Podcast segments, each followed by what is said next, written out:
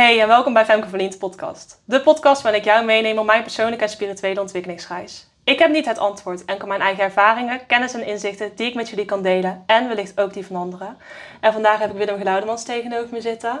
En Willem is opgegroeid in Den Bosch. Ja, In zijn latere leven is hij Nederlandse taal en letterkunde gaan studeren. hier aan de overkant. Oh ja, aan de overkant. Ja, in Utrecht. en na je promotie ben je begonnen met het vertalen van spirituele boeken zoals de Nagamandi, als ik het goed zeg. nog Gamma die geschreven. Nagamadi geschreven, dankjewel. En de cursus in wonderen onder Ja. andere.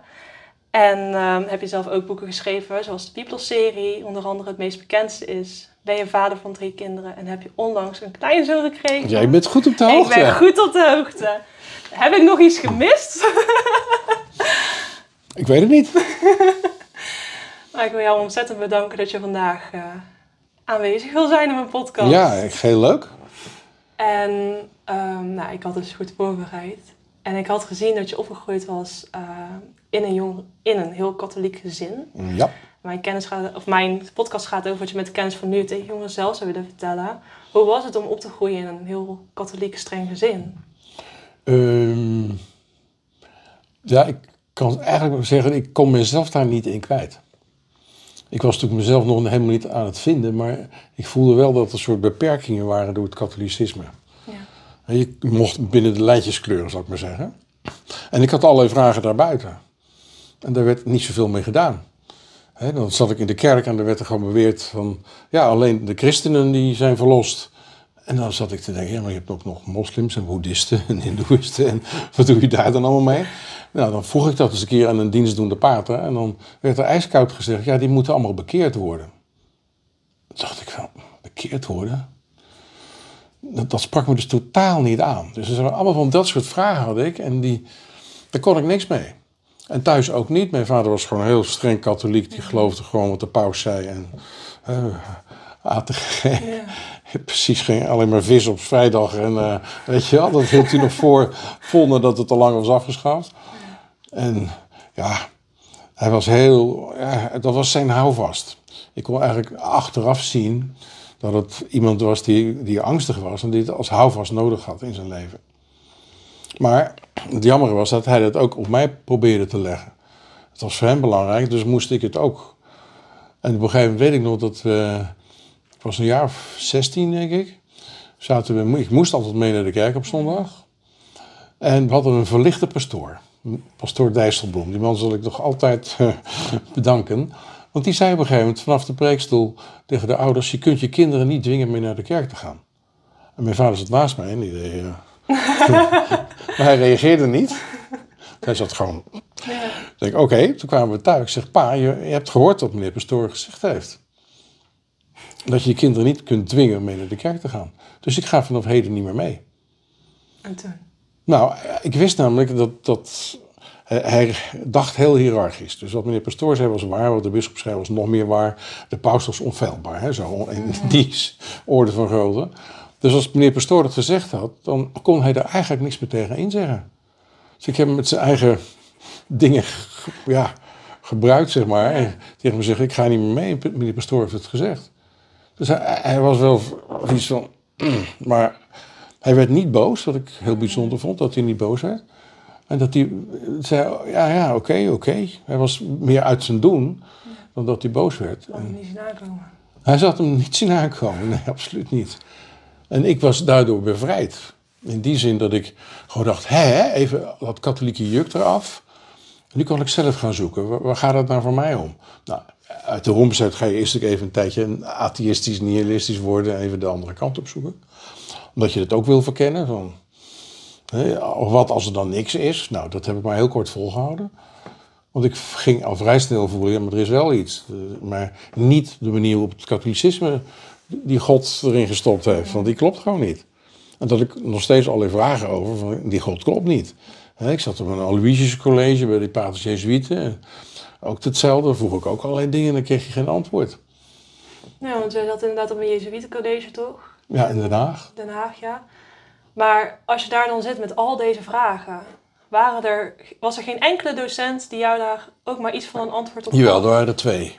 Dat was de pater biologie En die gaf aan onze jongens die dat nog leuk vonden op zaterdag, we hadden ook nog zaterdag school. Dan kreeg je zaterdagmiddag, kon je bij hem filosofie komen doen. Dus dat heb ik ook gedaan. Dus we zaten met een, ja, misschien met acht of negen jongens of zo. En hij gaf filosofie. Dus daar kon je ineens wel allerlei dingen kwijt. Kon je wel met elkaar echt denken en overleggen van, ja, wat, betekent het dan? Dus dat was, dat Pater Verschuren. En de tweede pater was Pater Hoogma, die gaf Grieks. Die heb ik zelfs nadat ik van school was nog vaak opgezocht. Omdat het voor mij iemand was die gewoon wel die openheid van denken had. Daar kon ik met mijn vragen wel terecht. En dan zat ik gewoon s'avonds bij hem eh, tot ja, 12 uur of zo. zaten we te praten en ik kon bij hem alles kwijt. En dat vond ik geweldig. Ze zijn altijd, natuurlijk zijn er altijd mensen die naar het menselijke kijken en niet vanuit de leer komen. dat, dit, dit waren twee van die mensen die dus gewoon, gewoon keken van, ja, hè, wat kan ik zo'n jongen bieden? En niet van, wat is de leer van de kerk en klopt het allemaal? Ja, die gewoon naar de persoon zelf kijken. Exact. En ook gewoon, ja, ik had ook duizend vragen. Ik twijfelde aan van alles. Ik wilde het gewoon weten, weet je wel. Zo zit ik in elkaar. Nou, het was eindelijk iemand die dus daar gewoon ook op persoonlijk één op één met mij op inging. Het is toch een bevrijding als kind als je dan zo iemand vindt. Ja, ja, absoluut. Kijk, mijn, mijn vader kon, kon ik dat niet. Hè? Die had dat niet in huis. Dus hij was op een bepaalde manier in die periode was deze pater Hoogma een, een soort geestelijke vader voor mij. Dat ik met hem over al die dingen kon praten. En dat was heel bijzonder. En jij bent uiteindelijk ook, als ik me goed herinner, je met je moeder ook op zoektocht gegaan naar andere spiritualiteit. Ja, ja. Mijn moeder had dat dus wel. Die had hetzelfde als ik. Zoeken, kijken, waar- gaat het nou over? Ja. En ja, bij vader was het dus gewoon boom, boom, boom. Dat was gewoon vast. Daar kon je niet meer aankomen. En ik weet nog dat wij dan... Die had in die tijd een eh, tv-programma van Jacques van Bellen. Zienswijze heette dat. En die man ging dus parapsychologische dingen uitzoeken en weet ik het wat. Wat interessant. Dus wij zaten met z'n tweeën dan voor de tv. En mijn vader zat met zijn, met zijn postzegels in een ander deel van de, van de Niet kamer mee te kijken eh, niet mee te kijken en af en toe te zeggen, nou, nou, nou. maar we, hadden dat, dat, we hebben echt samen zo'n zo weg gelopen. Ja. Dat was heel bijzonder dat zij dat ook had. Het was een hele wijze vrouw die gewoon daarin mee kon gaan. En die uiteindelijk zei, je hebt mij heel veel geleerd. Want ik, ik zocht dan dingen uit en ik zei, maar heb je dit al gelezen? Of kijk, dit eens, weet je wel. Dus zij vond het fantastisch dat ik in feite een beetje voor haar uitliep, een paar stappen. Omdat ik dan boeken had gelezen of weet ik veel wat. En ze ging het allemaal lezen. Oh, wauw. Ze heeft echt, van mijn bibliotheek heeft zij ontzettend veel gelezen. Wauw. Ja. Tot op hoge leeftijd. Ze is 94 geworden. Toen was mijn vader al dood. Mijn vader is gestorven toen hij 63 was. Mijn moeder heeft nog, eh, nou, hoeveel jaar zal het geweest zijn? Dat ze, eh, ik denk nog 25 jaar of zo geleefd. Waardoor ze gewoon haar eigen ding nog veel meer kon doen. En uitzoeken. En, dat ook met mij samen deed. En op een gegeven moment ging ik boeken schrijven. Nou, dan wilde ze natuurlijk ook lezen. En artikelen die ik geschreven had en zo. Ze vond het alleen nooit zo leuk als ik dan met de boekpresentatie zei... maar je moet op de eerste rij komen zitten. nee, nee, nee, laat mij maar. Laat mij. Ik zeg, nee, maar kom op de eerste rij zitten. maar dat deed ze uiteindelijk dan wel. Maar dan een beetje altijd zo zich opgelaten voelend. Want ze was iemand die dus zich liever op de achtergrond hield... dan dat ze op de voorgrond zou zijn. Maar ze deed het wel. En ze was bij die boekpresentaties. Oh, wauw. Dat is dan zo trots dus ook op je. Ja, ja, dat ze... Wat prachtig. Ja. Dat was, dat was eigenlijk mooi een soort bekroning van onze weg samen, weet je wel. Dat die boeken er kwamen. En nou, ze is gestorven voordat de Bibelreeks er was. Maar ze heeft mijn eerste boek over vergeving zeker nog meegemaakt. Ik weet nog dat hier in Utrecht eh, in een, in een eh, kerk had Ank Hermers de presentatie geregeld. Nou, mijn moeder, ja, het was net moederdag ook. Dus ik zei, maar je moet op de eerste rij. nou, toen heb ik haar dus dat eerste boek wat ik van de uitgever kreeg, meteen aan haar gegeven. Nou, dat vond ze eigenlijk te veel, weet je wel. Ja. Oh. Nou, ik zei, nee, maar dat is echt voor jou. Nou, Oh, kijk, gewoon kippenvel van. Dat ik zo mooi je dan zo dan die eerste geeft aan haar. En dat ze dan zo ontvangt.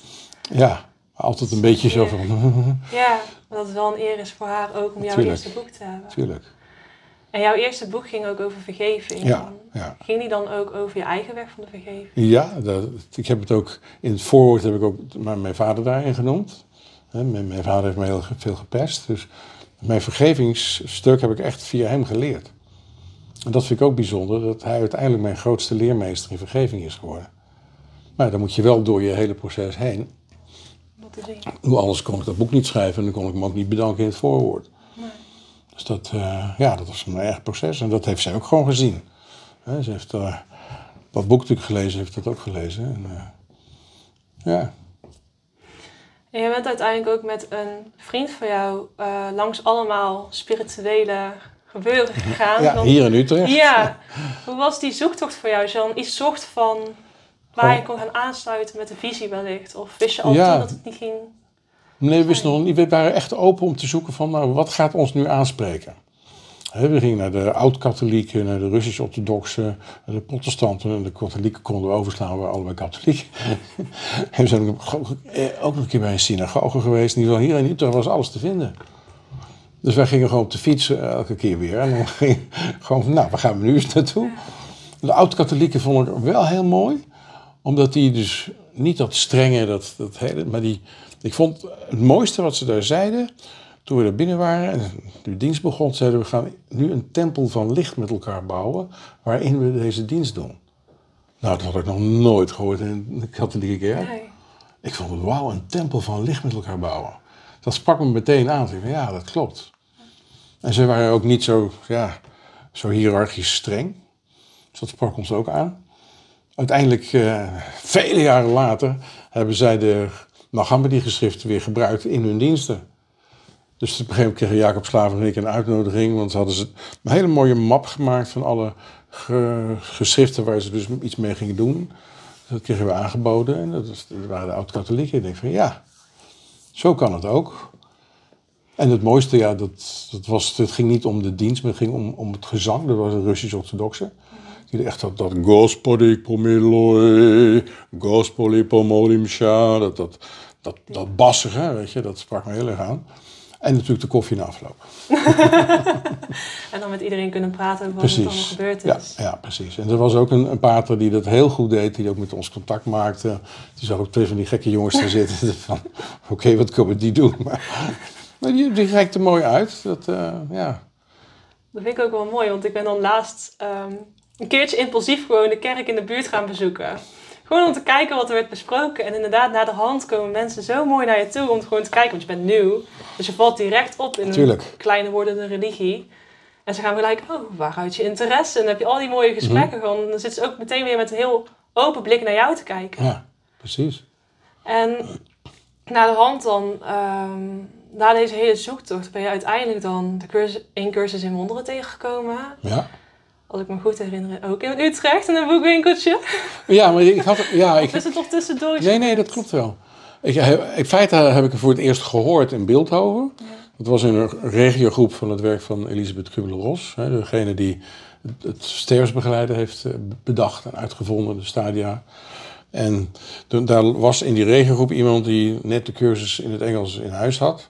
En we keken naar een video met het werk van Jerry Jampolsky, die zijn werk baseerde op een Course in Miracles. Die video sprak me enorm aan, want hij werkte met kinderen met kanker en bracht die bij elkaar in groepen van hè, hoe is het als je geen haar meer hebt en je moet toch naar school. Dat soort dingen. En daar kon ze met elkaar over praten. Dus dat raakte me enorm. Ik vind dat soort werk, dat wil ik ook. Nou, dus toen ging ik de volgende dag inderdaad naar de boekhandel om boekjes van Jan Polsky te halen. En dat was hier in Broesen en die, ik kon ze niet vinden. Ik ben er zes keer langs gelopen, bleek uiteindelijk. En toen eh, vroeg ik het aan iemand. Zeg, meneer, daar staan ze. Zei, Oh, nou, eentje gepakt. Eén voor mezelf en eentje om cadeau te doen. Ik draaide hem om en daar lag A Course in Miracles op tafel. Dus heb ik ook toen echt zoiets van, nou, dan neem ik jou ook maar mee. En want die vrouw had er even iets uit voorgelezen, de eerste pagina's. Ik dacht, ja, het is wel mooi, maar Het resoneert nog niet. nog niet zo erg als het werk van Jerry Polsky. Dus, nou ja, het geschiedenis is dat ik daarna dus eh, thuisgekomen met dat boek, dat opensloeg. En ik zat daar en te lezen. Wow, toen kwam er weer echt zo'n energie door me heen. Zoiets van, oké, dit is het. Daar kon ik niet meer omheen. Zo van, dit is mijn boek. Dat was heel duidelijk. Nou ja, dat is het. De rest van, Dat is gebleken. Dit was in 1986 en ik ben er nog steeds mee bezig. En het grappige was dat ik daarna toen de cursus eh, in het Nederlands kwam, gaf ik een keer bij diezelfde broersen een lezing daarover. En die vrouw die dat, hè, mijn, die boeken had aangewezen, die werkte daar nog steeds. En die herinnerde zich dat nog ook. Wat ik natuurlijk bizar vond, is, die, die ziet daar dagelijks honderden klanten, weet je wel. En toen ik dat verhaal dus daar vertelde, in Broes, ik zei, ja, het is hier gebeurd, weet je wel. Toen zei ze, ja, dat weet ik nog. Dus ik zei, nou, hoe kan dit, hè? Maar dat gebeurde dus. En vervolgens ben je ook bij de vertaalgroep aangesloten geraakt door een hele mooie gebeurtenis. Het heel toevallig was eigenlijk. Of ja, toeval bestaat niet, maar... Even kijken, er zijn verschillende, ja... Nee. Ik, ik eh, was een boek aan het vertalen Ja. van Marian Williamson over A Course in Miracles. En toen voelde ik ineens van, maar ik wil niet een boek over, ik wil de cursus zelf vertalen. En degene die ik dan kende, die in dat veld wat, wat contact had, was Fred van den Burg. Dus die belde en ik zeg, goh, dit is wat mij ge- gebeurd is en ik zou graag eh, kennis maken met mensen die in de, de groep zitten. Ja, zeg je, moet je bij Koos zijn, maar ik zal je zijn, zijn adres geven. Nou, dus ik belde Koos op en Koos zei, ja, ik zit midden in een verhuizing van Leiden naar Zeist. Ik zal je naam opschrijven. Dacht ik van, nou, hier horen we nooit meer iets van.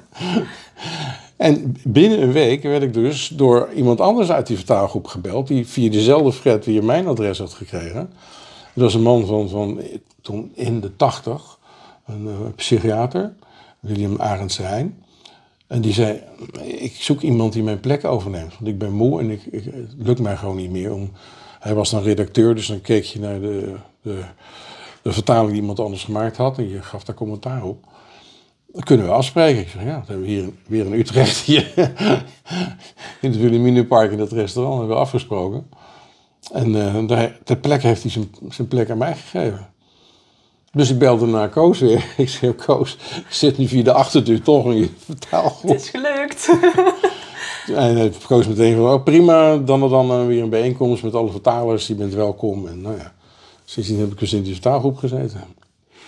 Je hebben daar volgens mij met elf vertalers Ja, ook elf jaar over ja, gedaan. ja, je bent goed ingelicht. Ja, maar ehm, tijdens deze vertaling, ik neem aan dat het- als het volkomen over het ego gaat, het ego stuit er denk ik ook nog flink tegenaan als je begint met te vertalen. Nee, wij zeiden altijd, de cursus vertalen is de cursus doen. Ja, En dan zeiden we ook nog daarnaast, er is een, een, een werkboekles die heet eh, Only God's Plan for Salvation Will Work. En wij maakten van Only God's Plan for Translation Will Work. en dat was dus ook ja, alle dingen die we van het ego tegen ja, botsingen gehad. En verhitte discussies over hoe we mind gingen vertalen. Nou ja, dat werd op een gegeven moment wel heel duidelijk dat dat denkgeest moet worden. Omdat het ook in het meervoud gezet moest worden. En Nou, het ego kwam er even tussen. Die was het niet mee eens dat eh, we het over het ego gingen hebben, wat er eh, besproken werd. camera werd oververhit, maar hopelijk blijft het nu filmen. En eh, we gaan gewoon verder waar we gebleven waren. We waren gebleven bij eh, dat je de denkgeest... eh, Dat was- denken ja. wat goed, dat was ik alweer vergeten. Ik let op! ja, dat blijkt heel goed. Nee, dus dat wij gingen kijken hoe gaan we het woord mind vertalen. Ja. Je had dus een ander woord nodig voor spirit en voor mind. En het Nederlands had maar één vertaling, één Ja. woord overgehouden. Eh, Vanaf de 17e eeuw is het alleen maar geest geworden. Voor, voor die tijd hadden we ook nog gemoed, maar dat kun je niet gebruiken. Dus, dus wij moesten echt zoeken van, wat, hoe gaan we dat doen? Dat je, want er zijn heel veel zinnen waar allebei die woorden in voorkomen. En dan moet je toch echt iets ja, onderscheidends kunnen doen, anders werkt het niet. Nou, toen kwamen we dus op denkgeest. En dat, dat eh, hebben we in hele verhitte discussies gehad in de vertaalgroep. Of dat het goede was. En of het niet een denkwereld moest worden. Want het moest ook in het meervoud. Maar dat denkwereld was weer te abstract. Het moest echt veel dichterbij komen. Ja, enzovoort. Daar hebben we de hele tijd over gehad. En toen gingen we dus naar eh, Amerika. Naar Ken Wapnick. Ik was, mocht, elk jaar mocht ik naar Ken Wapnick toe. Om met hem over de vertaling te praten. En die keer was er zo Koos Jansson mee. Degene die eh, zeg maar, mijn rechterhand werd om alles wat ik vertaalde met mij te bekijken. En Nicole de Haas van de uitgeverij. En ik weet dat we met z'n drieën in zijn keukentje zaten. En hij zat tegenover ons. En eh, nou, we bespraken dit. We hadden we ook al opgestuurd en zo. Toen zei hij iets heel geks. Maakt mij niet uit hoe je het vertaalt. Al vertaal je het met de refrigerator. Oh, Als jullie het met z'n drieën maar over eens zijn, jullie relatie gaat, staat voorop. En toen liep hij weg. En toen wij iets van, oké. Dus het gaat over onze relatie. Het gaat dus niet over wat er uiteindelijk in het boek komt. Nou, we zijn dus alle drie onze meditatieve dingen gaan doen. En ik weet nog dat ik daarbuiten ergens zat en ik keek naar boven en ik zat dus tussen bomen. En ik, zag, ik, gaf echt, ja, ik had echt gevraagd voor geef een teken. Dat, dat ik weet dat we op het goede pad zitten. Dat we niet zomaar iets gaan doen. Want dit gaat, gaan duizenden mensen gaan dit gebruiken straks. Nou, toen zag ik dus een adelaar over me heen vliegen. Tot drie keer toe. Dacht ik, oké, dit is een heel duidelijk teken. Dus toen voelde ik van, denkgeest is oké. Nou, Koos had zijn werk gedaan, Nicole had haar werk gedaan. Ze kwamen bij elkaar. En Ken zei van, nou, hoe staat het ervoor? Ik zei van, nou, dit is wat met mij gebeurd is. Koos zei, dit is wat mij gebeurd is. En Nicole zei, dit is wat mij gebeurd is. En we hadden alle drie hetzelfde. En toen begon Ken nog eventjes, omdat zij uitgeverij was, van... Kun jij het ook in je redactieraad verdedigen, dat het denkgeest wordt? Dat is een nieuw woord. Ja, zei Nicole. Kun je het ook naar die en die? Ja, zei Nicole. Nicole zei ook drie keer gewoon ja van... Dus toen was het duidelijk dat dat het zou worden. En na de vertaalgroep konden wij het ook weer duidelijk maken. Dus toen is het denkgeest geworden. En nu hoor ik zelfs dat andere mensen, die dus helemaal niet met de cursus bezig zijn, het woord ook aan het gebruiken zijn. Dus het begint ineens buiten de cursusgemeenschap, begint het ook. Ik kreeg op een gegeven moment een mail van, van, van een andere genootschap die met een ander soort boek bezig waren.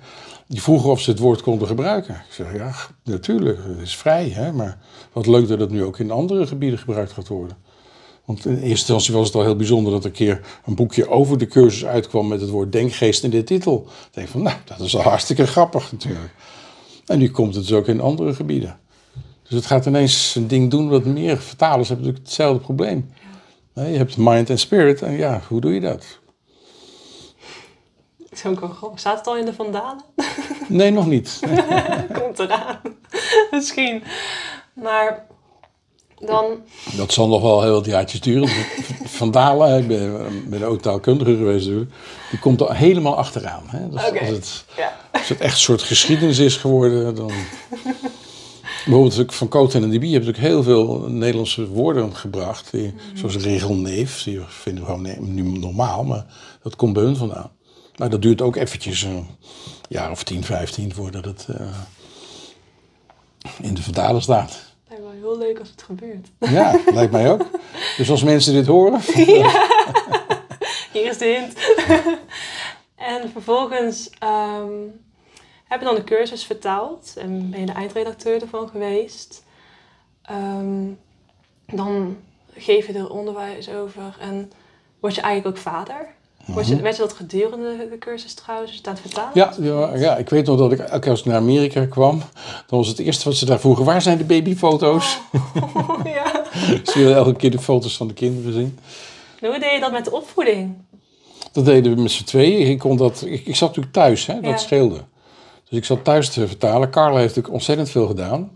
En, en ik was er altijd wel. Ik bedoel, als er iets was, dan, dan was ik ook wel aanwezig. Maar in principe was ik aan het vertalen. Dus dat hebben we gewoon wel samen altijd gedaan. En dat, uh, ja, daar ben ik er zeer dankbaar voor dat ze gewoon die gelegenheid heeft gegeven. Uh, dus ik zou kunnen zeggen, dat is ook weer haar bijdrage aan het geheel geweest. En ja, met de kinderen, ja, dat ging altijd wel leuk. ze hoeven mij niet de cursus te doen, hè, dat snap je goed. Maar ja. ze hebben er wel iets van meegekregen. Want hoe deed je dan met de opvoeding? Bijvoorbeeld um, dan toepassen? Want jij was natuurlijk bezig met de cursus, maar ik denk dat je toch ook onbewust daarin soms bepaalde dingen meegeeft aan je kinderen. Van bijvoorbeeld, pas op met dit, dat het niet het ego bijvoorbeeld doorheen. Ja, ik denk, ik denk in die tijd hebben we niet echt over het ego gesproken. Daar eh, waren ze te klein voor trouwens. Ja, klopt. Ja. En ja, er waren natuurlijk gewoon wel dingen. En dan hadden ze ruzie met elkaar. Ja, dat is overal gebeurd. En dan uit elkaar halen. ging ik niet met een cursusles eroverheen. Nee, dat, dat, heeft geen enkele zin. Nee, dat geloof ik. Zo deden we niet. Het was wel zo dat we samen ook wel cursusgroepen thuis hadden. Dat wisten ze ook gewoon. Ze zagen ook al die mensen langskomen. En ook als de vertaalgroep langskwam, dan huppelden ze er ook tussendoor en zo. Dus ja, ze hebben wel, die sfeer hebben ze wel meegekregen. En misschien is dat wel het beste woord om het te beschrijven. Het is een sfeer. Ja. En daar, daar, daar, pakken ze iets van op. En nou ja, de een doet er dit mee, de ander doet er dat mee. Dus volkomen vrij aan hun wat ze ermee doen. Ja, natuurlijk. Ja. Ik ben ooit gedwongen katholiek geweest. Dus je gaat met mijn kinderen niet hetzelfde... Carlo was er iets meer van. Die vond ook dat de kinderen wat meer zeg maar, religieuze opvoeding moesten hebben. Ik had meer zoiets van laten we ze vrij laten. Dus we deden het allebei een beetje. Hm? Dat ze zowel, we gingen ook eh, naar de kerk, want Carla kwam ook een heel katholiek gezin.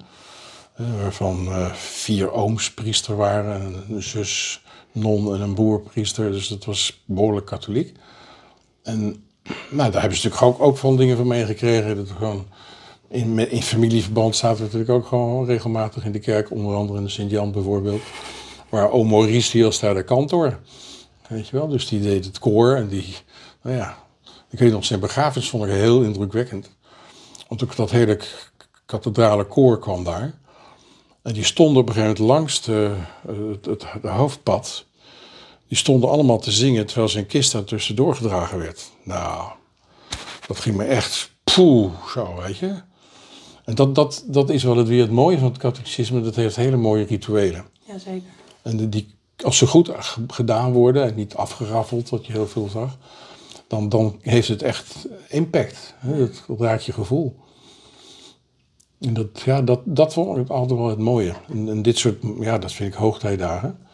Dat je, dat je dat meemaakt en dat, ja.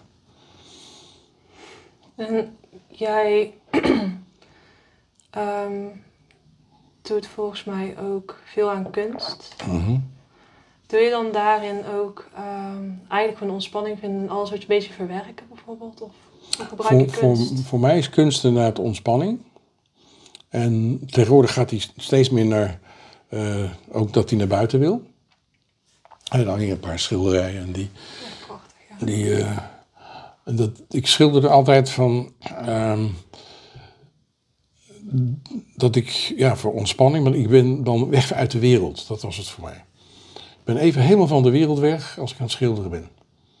En dat ontdekte een keer, want ik zat in een keer een schildergroep, eh, gewoon allemaal collega's onder elkaar en hadden ergens een, klaslokaal, weet je wel, er stonden ezels. En ik was zo in dat schilderij, ik liep achteruit en ik wist gewoon niet meer dat er iets achter mij stond. Dus ik klapte zo over twee stoelen heen en dat ik gewoon geen bewustzijn meer had. Ja. Ik was alleen met dat schilderij bezig. En toen heb ik dus geleerd, oké, dus zover kan ik van de wereld zijn als ik aan het schilderen ben. En voor mij is het echt wel een, soort, ja, een soort basisbehoefte. Als ik een tijdje niet geschilderd heb, dan mm, gaat het kriebelen. En ik heb dus nu het, voordeel dat ik in het huis waar ons gezin groot geworden is, woon ik nu in mijn eentje. Dus ik heb gewoon een atelier.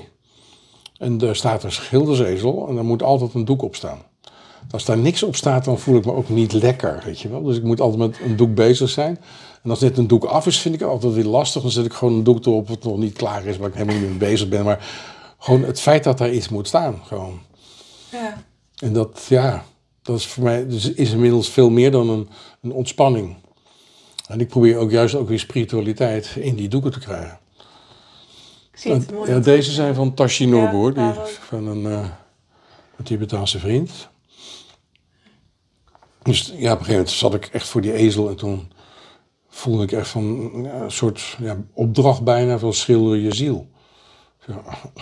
Oké, en mag ik ook nog weten hoe dan? in ieder geval, ik kreeg wel een beeld dat ik de ziel zag als een, als een soort energiewolk die in elkaar bleef draaien en doen, die een beetje turquoise lichtblauw was. Maar dat was driedimensionaal en dan moet je het op een plat doek zien te krijgen. Dus ik heb dat geschilderd en nou, ik was op tevreden. Nou, toen kreeg ik een, nieuwe opdracht, schilder je ziel nu. Hè, dit was nog met de verbinding met het lichaam, van net na de dood. Dus dat hij net los is van het lichaam. Nou, en antakarana, dat is de, de boeddhistische term om de verbinding tussen de ziel en het lichaam. En wat ik toen schilderde, was dat dus die, die antakarana net terug, zich terugtrok uit, uit het lichaam. Maar de energie ervan, alles wat dat leven dus opgebracht heeft aan, aan kennis, aan wijsheid en energie, aan liefde, dat gaat weer terug die ziel in. Dus dat schilderde ik op een of andere manier. Is dat ook een aanleiding geweest voor het boek van de cursus tot sterf? Nee, die was al lang daarvoor. Was daar al geweest? Ja, al lang daarvoor. Ja, ja, ja. Ja, nee, dus toen... het derde schilderij was van... als, als dit dus één keer gebeurt dat de ziel zich terugtrekt... dat is natuurlijk vele keren gebeurd. Dus toen kon ik de ziel schilderen met allemaal... ja, soort symbolen van alle levens die hij had gehad. Ik word echt gek van dit ding. We stoppen, we doen gewoon met de audio. Ik hou de audio wel gewoon. Oké, dus we gaan dit niet meer doen? Nee. Oké, Ik doe wel een filmpje, ik doe wel een foto erop plakken en ik eh, gebruik de audio. Ja, wat grappig dat hij weer stopt. Gebeurt echt nooit. Waarom gebeurt dit nu, hè? Geen idee, maar ik. Ik laat het los. Oké, heel goed. Knap dat je het zo snel kunt. Dankjewel. We doen Ja. gewoon een foto, ik doe de audio eroverheen en ik, eh, Nou, perfect. Maakt mij niet uit. we doen dat. Je kunt misschien nog een stukje gebruiken of zo. Daarom dan hou ik het gewoon erin tot daar en dan zeg ik hier, houdt het, hier stopt het ego er weer mee. ik laat dit stukje er ook gewoon in zitten. Mensen mogen mijn ego ook horen bokkelen. Je hebt helemaal niet gebokt. Nee? Oké. Nee. In mijn gevoel momenteel wel. Oké. Van binnen wel, maar Ja. van buiten laat je het niet merken in ieder geval. We gaan gewoon, ik laat het gewoon lekker erin zitten. Ik denk het is, eh, het is goed zoals het is. Ja. En de audio loopt gewoon door? De audio loopt door, en die doe ik altijd expres via mijn mobiel voor als dit soort dingen gebeuren. Oké. En, en moet je die niet checken? Nou, die geloof ik, want daar zie ik nog daar die groene dingetjes in. Ah, Oké. Helemaal goed. En verder bemoei ik me er ook niet mee. Maar ehm we waren gebleven bij dat dan uiteindelijk dan de ziel. schilderij, ja. ja. En dat de ziel dus diverse keer incarneert. Dat is dus een, ja, een bol kun je niet schilderen. Dus dat Nee. een plat vlak met allemaal kleine dingetjes eraan waar die verschillende incarnaties aan zaten. En toen kreeg ik nog de opdracht van eh, schilder jezelf en je zielenfamilie. ja. Dus al die zielen met allemaal verbindingen en ook aan deze kant van de dood en de, en de andere kant van de dood. Dus dat werd het volgende schilderij. Allemaal één bij één. En toen de laatste was zoiets van ja, het was niet, hoe ik het zeg, het was niet een opdracht, het was meer een, een, een zien van hoe is de ziel ontstaan of hoe gaat de ziel terug naar God. ja. En dat is hetzelfde. Dat was hetzelfde schilderij. Dit schilderij hè, is, is allemaal concentrische cirkels met een midden wit licht en steeds meer, iets meer geel en al die zielenfiguren erin. Maar het kan dus zijn dat je de, de richting naar binnen gaat of naar buiten gaat. Dat is hetzelfde. Dus dat was het laatste van die serie. Wauw. Ja, zo dus. Ja, dus ik, ik zie dus dat mijn, mijn eh, talent, wat er oorspronkelijk voor mij ontspanning was, ook veel meer aan het doen is nu. En het grappige, ik heb pas drie Cosmos schilderijen verkocht, weet je wel. Dus dat, daar had ik helemaal nooit mee bezig geweest dat ik ook nog schilderijen kon verkopen, maar dat is gebeurd. En die kleintjes van dit formaat, van 50 bij 50. Ik vind ze ook wel heel mooi. Het was een serie van, van acht kleintjes en vijf grote, van één bij één. Ja, dus die serie is nu, ja. Verkocht. Dan, ja, dan drie ervan, ja. En ehm, jij krijgt ook eh, jouw boeken, krijg je doorgechanneld. Of ja, channeld is het verkeerde woord. Je krijgt ze doorgegeven. Ik kreeg ze doorgegeven, maar dat was nog niet de hele Bibelserie. Ja.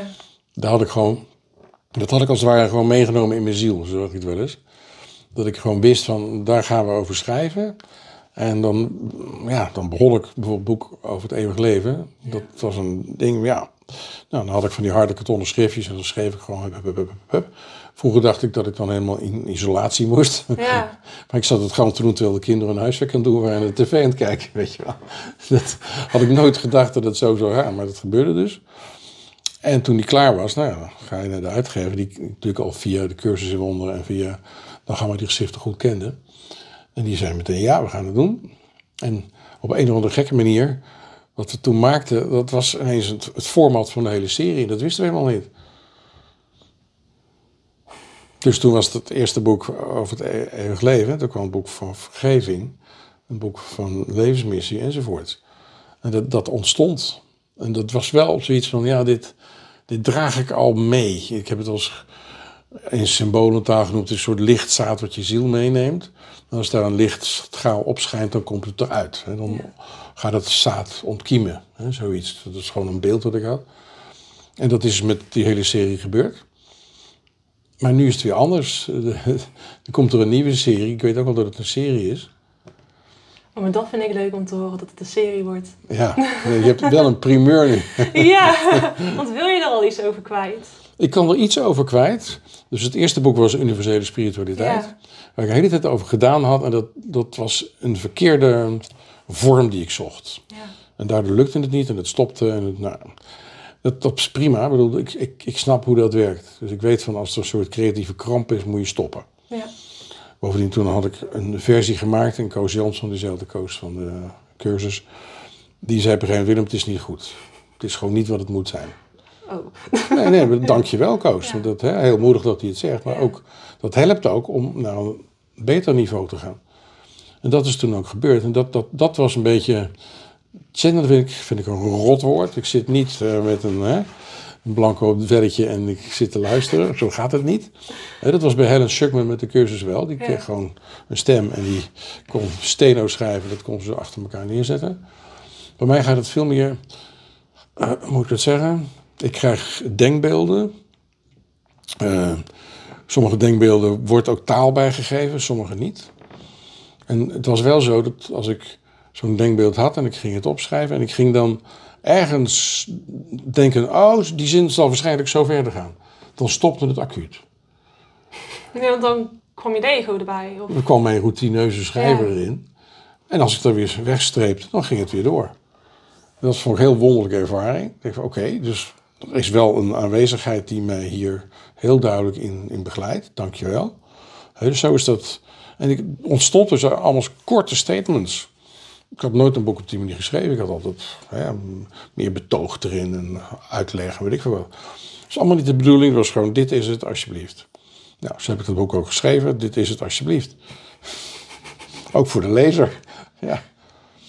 En eh, nou, zo kwam dus op een gegeven moment, af, afgelopen jaar in de zomer, het idee naar boven. Ja, misschien is het ook goed als er een boek over universeel onderwijs komt. En ja, waar gaat dat dan over? Hm? Ja, dat gaat over onderwijs van de ziel. Dus dat je een kind eh, begeleidt om zijn plek te vinden in het grote weefwerk van God waar hij thuis hoort.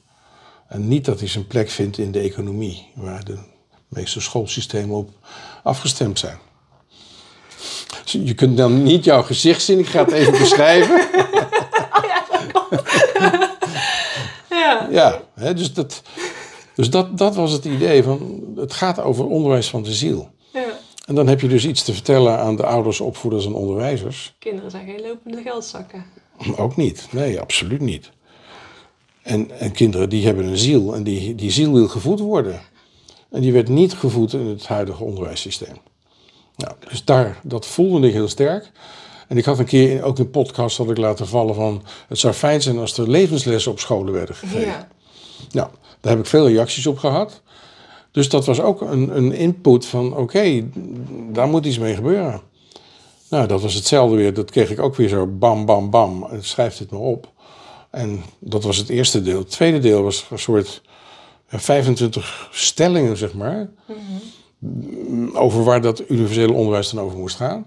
Maar ik had nog steeds van, ja, die jongeren moeten ook die levenslessen horen. Dus het derde deel is specifiek voor jongeren over levenslessen. Dus wat, wat is een relatie? Wat is het ego? Hoe onderscheid je de stem van het ego en de Heilige Geest? Nou, die hoort dan geloof ik iets anders, maar dat maakt niet uit. De stem van de liefde, geloof ik. En nou, al dat soort dingen. Dat je dus gewoon die dingen aanreikt die jongeren nodig hebben om, om de rest van hun leven door te gaan, weet je. En die andere dingen die, die, die ze op school leren, zeg ik altijd van ze kunnen het sneller op een mobiel opzoeken dan de docent het kan uitleggen. Klopt. En dan zeggen ze ook nog, ja, maar hier staat wat anders, weet je wel. Eens wat je moet leren is eigenlijk lezen en het rekenen en dan de Ja. basis ervan. Exact, dat schrijf ik ook zo in. En de rest, dat leer je ook gedurende het leven. Exact. Inderdaad, je hebt tegenwoordig gewoon Google. En die kan alles vinden. Ja, En er zijn duizenden boeken die je kan lezen als je er echt geïnteresseerd in bent. Maar als je uiteindelijk vindt, denk ik ook, waar jouw hart zo van aangaat, daar wil je jezelf in verdiepen. exact. Dus een deel van dat deel van jongeren gaat ook over je missie vinden. Want wat kom je hier nou doen? Hm? Nou, daar heb ik natuurlijk ook andere boeken ook over geschreven en het talentenspel spel over gemaakt. Maar dat moest natuurlijk ook in dit boek van, ja, eh, hoe vind je nou je missie? Weet dat je ergens voor bent en niet zomaar hier. En nou, hoe, hoe kun je iemand begeleiden hè, om dat te vinden? Nou, dat vind ik belangrijke dingen. Dus dat moest in dat boek. Dat is super belangrijk. En die komt, die komt in januari uit, het boek. Universeel onderwijs heet het. Oh, wat geweldig. Ja, Dus- ik kan niet wachten om het te gaan lezen. Ja, universele spiritualiteit, dus universeel onderwijs. Dus toen zagen we, oh, het wordt een serie. en wat de volgende, ik heb geen idee. Ik heb echt geen idee. het overkomt je. Ja, dat komt wel weer naar me toe. Dan is het Ja. weer duidelijk van, oké, dat is het volgende. Dat was deze ook. Die was ook verrassend voor mij dat, dat die het zou worden. En ik had dus gelukkig Anke nog niks verteld. Dus ik vond ze op een gegeven moment toen het klaar was... hè, en alle vrijheid heb ik het kunnen schrijven... zonder deadline of niks. Waar ik trouwens ook wel het prima aan houd, is nooit een probleem. Maar ik vond het wel heel grappig om op een gegeven moment... gewoon zo'n een appje te sturen van... ik heb een nieuw boek voor je. Nou, daar reageerde ze meteen heel positief en heel goed op. En, eh, nou, binnen een paar weken had ik eh, contract in huis, een, eh, een, een eh, ontwerp voor de omslag. En ze hadden al aan de binnenkant gekeken. En, nou. Ik heb het toen 1 november de, de, de officiële echte versie ingeleverd. En, en ja, in januari is het er gewoon. Wauw. En het ziet er ook een beetje hetzelfde uit als het vorige, alleen heel rood. Dus die kleur zag ik ook, weet je. Nou, dat moet rood worden. Ja, Zo het volgende wordt groen. Waar het over gaat, geen idee. En ook in het onderwijssysteem dan. ehm, zou je er al iets over los kunnen laten? Bijvoorbeeld een docent die dit aan luisteren is alvast kan gaan toepassen? Nou ja, wat ik net al zei, van zie de kinderen niet als jongeren die in de economie een plek moeten vinden, maar zie ze als een ziel die hier komt met een missie. Dat alleen al maakt zoveel uit dat je ze heel anders gaat bekijken. Dus dat zou de eerste zijn, van, begin ik ook het boek ongeveer. Dan komen zielen hier, en juist in deze tijd komen hier zielen met een heel ander trillingsgetal, een veel hoger niveau van bewustzijn al. Zit hier toevallig eentje tegenover mij. Dankjewel. En die, die, die, die gaan dood in, in die oude klasdingen, weet je wel. Van, ah. Dus ik krijg ook jongeren hier die, die, ongeveer zeggen... nou, ik ben blij dat ik hier eh, gekeken wordt naar wat ik wel kan. Ja. Op school wordt eerder gekeken naar wat ik niet kan. Dat vind ik ook zo schrijnend. En dan blij zijn dat ik ook gewoon zeg... ja, het klopt, het onderwijssysteem heb je eigenlijk helemaal niks aan. En wat leer je daar nou eigenlijk? Ja, taal en rekenen en meer heb je niet nodig. Maar de levenslessen, daar gaat het over. Zeker. Dus dat zou ik ook aan docenten meegeven. En Als ze mijn boek gaan lezen, moeten ze eerst eventjes door het woord God en zo en ziel heen. Ego. Komt even tegenaan. Maar als je daar doorheen gaat, ik heb er nu ook een soort, een disclaimer is een te groot woord, maar wel een soort voorafje bijgezet van eh, dat, dat dit boek dus niet een handboek is, maar dat het meer een, een manifest is. Het wil iets overdragen. En als je daarvoor opent, dan heb je er heel veel aan. Maar het is niet een boek wat je dan meeneemt en naar school gaat. en Oké, laten we eens even kijken hoe we dat gaan doen. Dat is het niet. Het is inspiratie en in feite aan degene die het leest, of je nou een opvoeder, een do- docent of een ouder bent, of het kind zelf, om het te vertalen naar je eigen, eigen ja, plek in deze wereld. Dat kan dus ook voor de docent zijn dat die met die eh, inspiratie en die principes iets gaat doen. Of een ouder die dat gaat doen. Of het kind zelf, dus van ja, wacht even, nu snap ik een aantal dingen. Ik ga mijn leven omgooien. Ik ga niet meer naar de katholieke kerk, ik ga wat anders doen. Hè? Dat. Dus dat, ja, dat hoop ik echt dat dat, dat gaat doen. Dat ook jongeren geïnspireerd worden van ik ben hier ergens voor en dat wil ik vinden. En dat ga ik doen hier in deze wereld. En wat ik dan, ik heb het zelf ook, ik doe echt feiten niks met mijn, met mijn vak wat ik ooit geleerd heb. Nou, dat zie je ook heel veel jongeren die lopen overal iets te zoeken. En dan van, ja, nou, als je nou hè, gaat kijken, wat zijn je talenten, waarvoor ben je gekomen? Als je dat weet, dan ga je een heel ander leven leiden. Dan weet je ook gelijk van dat hoef ik niet, dat hoef ik niet, dat hoef ik niet, dat hoef ik niet. Ik ga die kant op, want daar zit wat ik te, te vinden heb hier in deze wereld en te geven heb. Er was mij ook een zin bijgebleven uit een cursus in wonderen van eh, wat je ten diepste over jezelf gelooft, Mhm. Dat onderwijs je. Als Ja. ik het goed heb Ja, herinnerd. You always teach. Want je- teach is to demonstrate, zegt hij ook. Hè? Dus alles wat je over jezelf gelooft, en dan heeft hij het dan over geloof je het ego of geloof je je ziel of jezelf. Alles wat je daar gelooft, dat is wat je uitstraalt. En als je het uitstraalt, dan komt dat weer naar je terug. Dus dan ben je in feite aan het onderwijzen van of het ego-denksysteem of iets heel anders, de liefde. Nou, die keus ga ik hier maken. En die is dan niet zo moeilijk meer. Als je het ego doorziet, dan zeg je, nee, dankjewel. Ik hoef dit niet meer. Dus dan ga je de andere kant op. En dat is wat je dan uitstraalt, dus onderwijst. Ja, en ik denk ook, ehm, ik werk dan ook eh, nog voor een deel in het onderwijs hiernaast. Mhm. En ik begeleid kinderen, zeg maar. Ik ben niet de docent, maar ik be- begeleid kinderen rondom één op één. Ehm, wat mij ook opvalt is vaak van de projecties inderdaad die gebeuren vanuit de docent naar de klas. En ook gewoon compleet onbewust, hè? dus ook gewoon Ja. goed bedoeld. Altijd goed bedoeld. Er is geen kwaad in. Hè? Nee, precies. Alleen er is onwetendheid. Ja, En dat is een groot verschil. En dat kan bij de docenten zijn, het kan bij de ouders zijn, het kan bij opvoeders zijn. Maar wat je terecht signaleert is projectie. Eigenlijk schrijf ik in het boek, eh, speciaal ook voor, ouders en opvoeders, het stuk van alles wat je in jezelf niet hebt verwerkt, dat geef je zo door, onbewust, aan je kinderen. En die hebben er dan vervolgens mee te dealen. Dus het grootste geschenk wat je kunt geven aan je kinderen is je innerlijke werk te doen. En als je dat oplost, dan geef je dat dus niet door aan je kinderen. En dan kunnen zij dus vrijer en vanuit een heel ander startpunt beginnen dan waar jij zat. Dat, nou, dat kan ik mijn vader natuurlijk ook zien, die dat innerlijke werk niet gedaan heeft en gewoon binnen de katholieke muur is gebleven. Dus ik moest dat uiteindelijk doen, weet je. Hè, daar ben ik blij om, maar je ziet het ook trouwens eh, wat schrijnender bij de tweede generatie oorlogsslachtoffers. Als de ouders het niet hebben verwerkt, dan gaat het onbewust door naar de volgende generatie. En die weten niet waarom ze zich ongelukkig voelen en als ze met pijn rondlopen.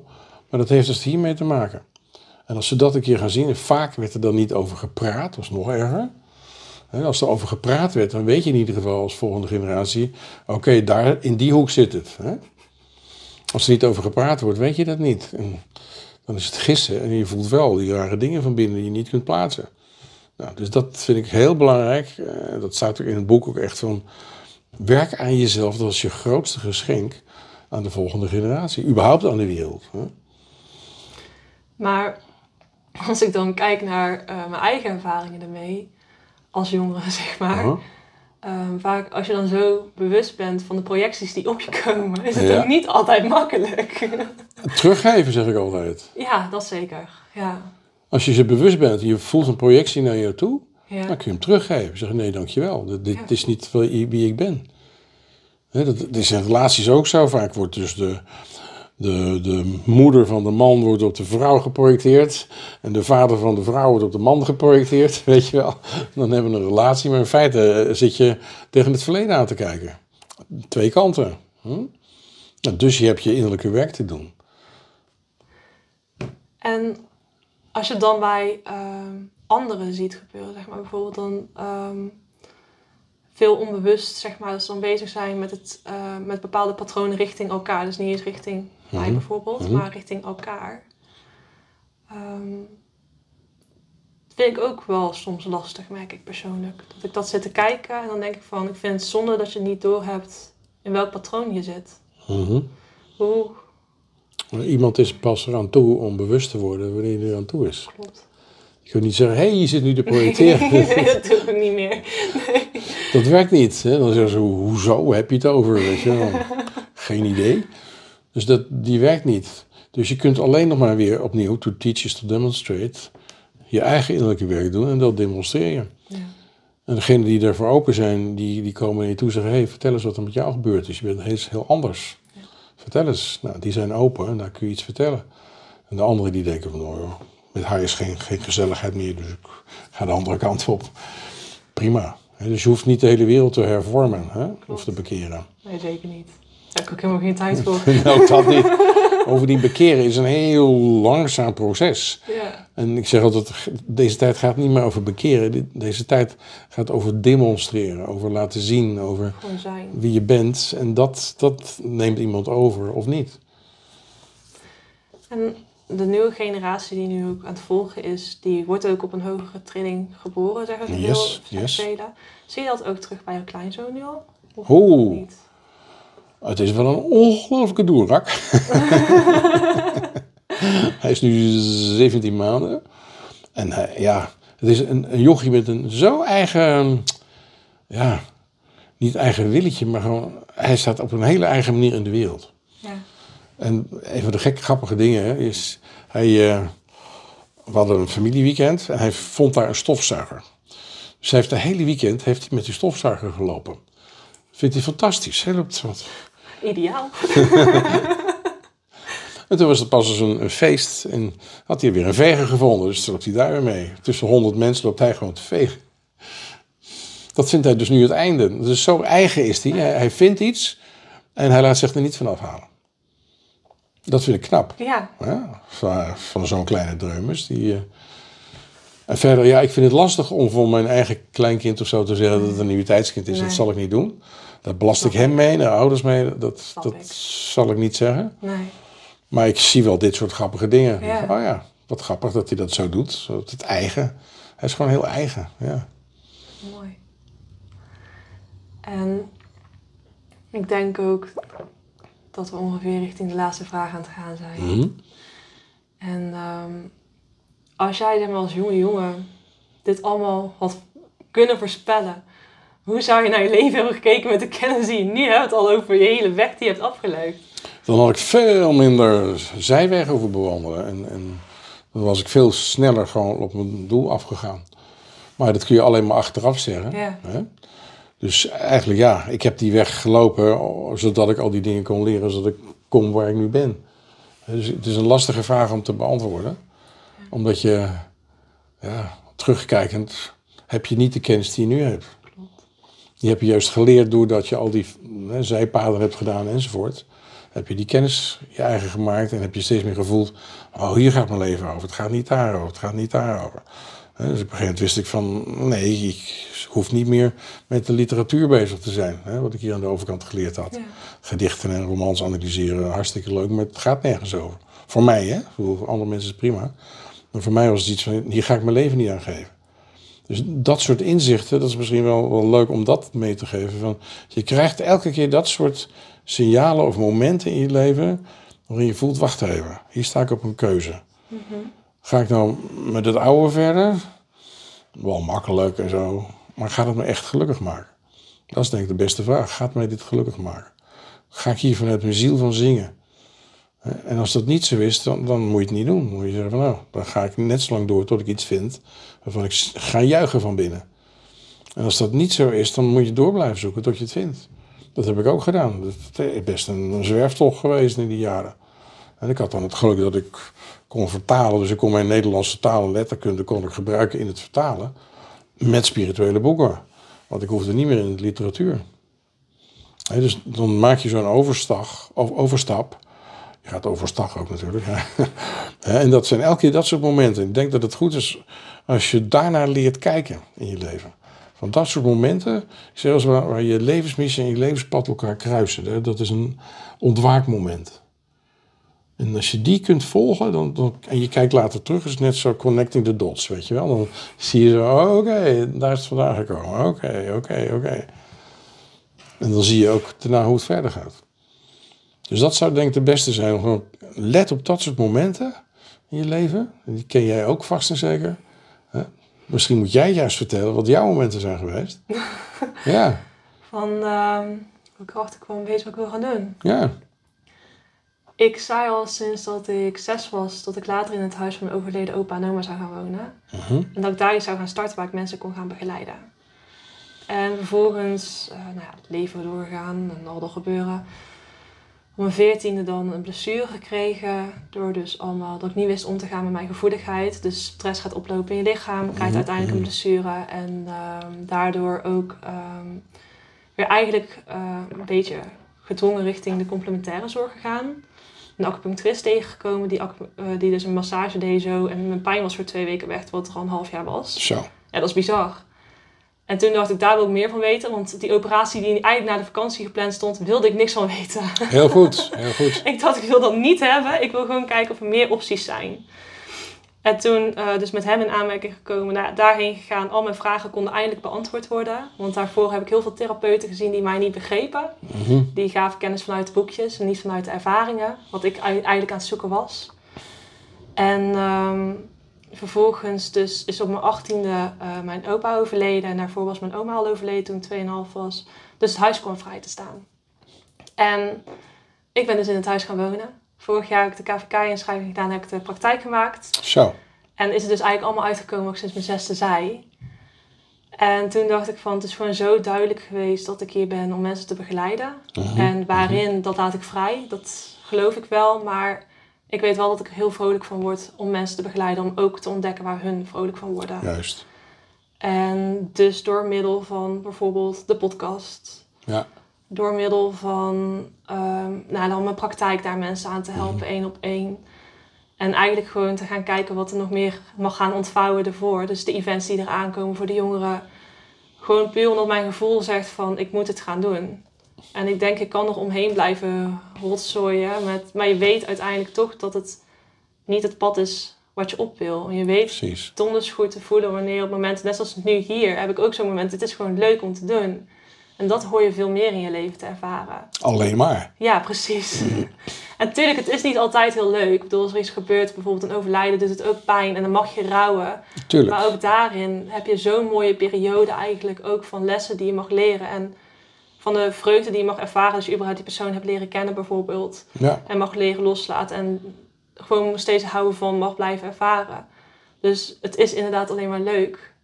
Maar Als ja, je goed kijkt wel. precies. Als je goed kijkt is er alleen maar liefde. Ja, En die kan zich in verschillende vormen uiten. En soms kan het een vorm zijn die jou even een duwtje moet geven de goede kant op.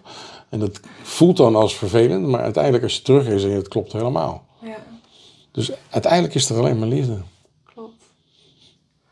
Ja, hoe je het ook bent of keert. Het valt niet te wenden of te keren en je precies. gewoon Nee. zo'n soort, soort hand in de rug die je leidt. Van alsjeblieft, ga daar naartoe, doe dat. Het is ook opvallend dat wanneer je, ehm, voor mijn gevoel dan, dat als ik tegen de richting inga, dus wanneer ik even Mhm. denk van oké, ik ben van mijn pad af, dan gaat ook alles even tegenzitten en dan denk ik oké, ik zit nou gewoon volkomen van het pad af. Ik moet het anders gaan bekijken vooral. Ja, En door het anders te gaan bekijken, kom ik weer op het pad en dan ineens gebeuren er weer dingen en dan precies. Precies. Als je dat nu toepast op dat twee keer de camera ermee stopt. Gemene vraag, hè? Ja. dat is gewoon oké. Dat is gewoon oké. Dat is gewoon oké. Ja. Ik ehm, zit er waarschijnlijk tijdens het editen nog even een keertje over te vloeken. maar ik denk daarin ook, ehm, het gebeurt zoals het gebeurt. En Ja. ik kan het één keer extra proberen aan te zetten, maar een tweede keer daar heb ik toch niks meer aan. Dan zit ik ook zelf niet meer in de flow. Mhm. En ik heb Precies. wel liever dat ik in die flow zit dan wanneer een camera eraan staat Ja. en het opneemt puur zodat mensen een beeld erbij hebben. Dan zitten ze nu maar naar een foto te kijken. Perfect, perfect. En dan nou echt de allerlaatste vraag eigenlijk. Maar je hebt hem al voor een deel beantwoord. Maar misschien kort dan. Oké. Wat zou je met de kennis van nu tegen je jongeren zelf willen vertellen? Hmm. Ik zou vooral willen zeggen van volg je innerlijke kompas. Volg waarvan je weet dat het voor jou klopt en laat je niks wijsmaken. Door ouders, opvoeders, docenten. Eh, Je weet van binnen waar het over gaat. En dat is natuurlijk toegedekt door alle dingen en weet ik het wat. Maar blijf dat volgen, want je weet het altijd. Dat wist ik vroeger ook ergens wel. Hè? Alleen ja, je, zat dan in het schoolsysteem of iets anders. En dan raakte dat een beetje toegedekt. Maar je weet het altijd. Dat is, een, ja, dat is niet alleen maar ouder zelf zeggen, maar dat, dat zeg ik eigenlijk altijd tegen iedereen. Jong of oud. Van, volg dat innerlijke kompas. Want je weet het van binnen. En dat gaat jou thuis brengen. Dat gaat jou ook op je missie brengen. Dat gaat jou gelukkig maken. Want dan krijg je alles bij wat je nodig hebt. Alles. Dus het universum is, is liefdevol. Dus als jij je, je missie doet, dan krijg je alles wat je nodig hebt. Dus ja, dat. Dat wist ik toen nog niet. Hè? Dus ik was aan het twijfelen en rondkijken, waar gaat het allemaal over? Nou, op een gegeven moment heb je het gevonden. Dus als ik iets terug zou willen zeggen, zeg ik van, doe dat. Volg je innerlijke kompas, want je weet het. Wil ik jou enorm bedanken voor het gesprek. Heel graag gedaan. Jou ook bedankt voor het gesprek.